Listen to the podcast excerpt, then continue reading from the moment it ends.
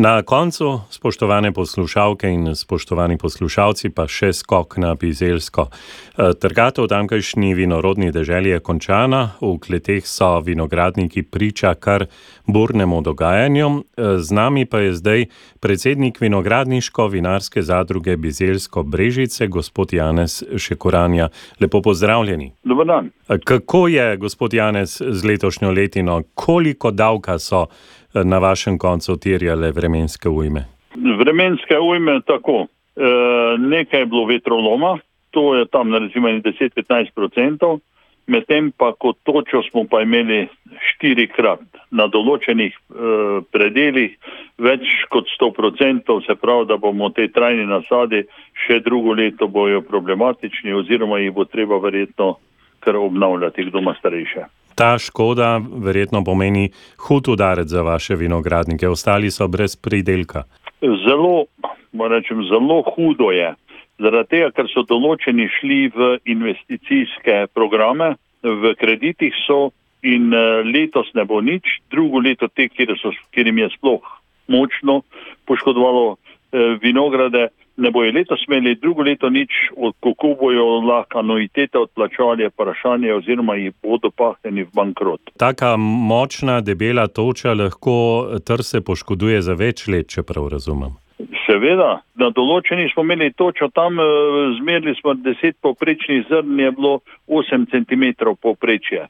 Ne? In taka, eh, taka, tr, eh, mislim, taka toča tako poškoduje ta les, v nobenem primeru drugo leto nič, ampak se bo drugo leto na novo vinograd formiral, ali pa boljše, kdo ima star, starejši vinograd, da vse ven vrže in uh, posadi trsje na novo. Ker čez tri leta bo še le imel, če gre starega obnavljati, če gre pa eh, na novo saditi, pa ravno tako čez tri leta pa bo imel nov vinograd. Torej bi lahko rekli zelo hudo leto za uh, vinogradnike na vašem področju. Koliko pa vas je povezanih v vinogradniško-vinarski zadrugi Bizelsko Brežice? Kapitalsko smo povezani, nas je cirka 200, medtem pa v služnosti delamo še zraven to, kar recimo laboratoriji, filtracije in podobno, eh, več med 400 in 600 še dodatno na naših 200 članov.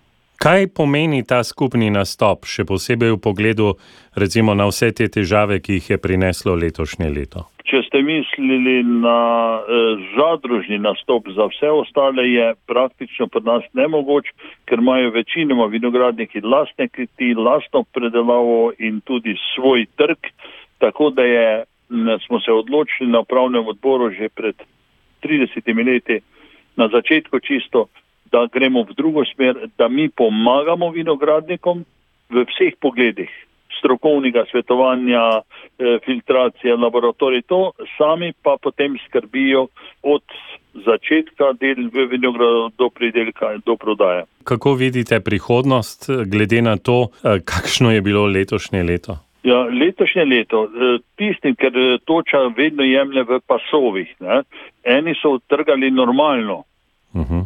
In tele pasovi, kjer je pustlo, imajo fantastičen letnik. Fantastičen letnik bo, ker je bilo glih prav vlage, glih prav sonca, vse, vse je bilo v redu. Medtem pa, ko tam, kjer je pa delno poškodovalo ali pa totalno poškodovalo, je pa katastrofa. Medsebojna pomoč je mogoča?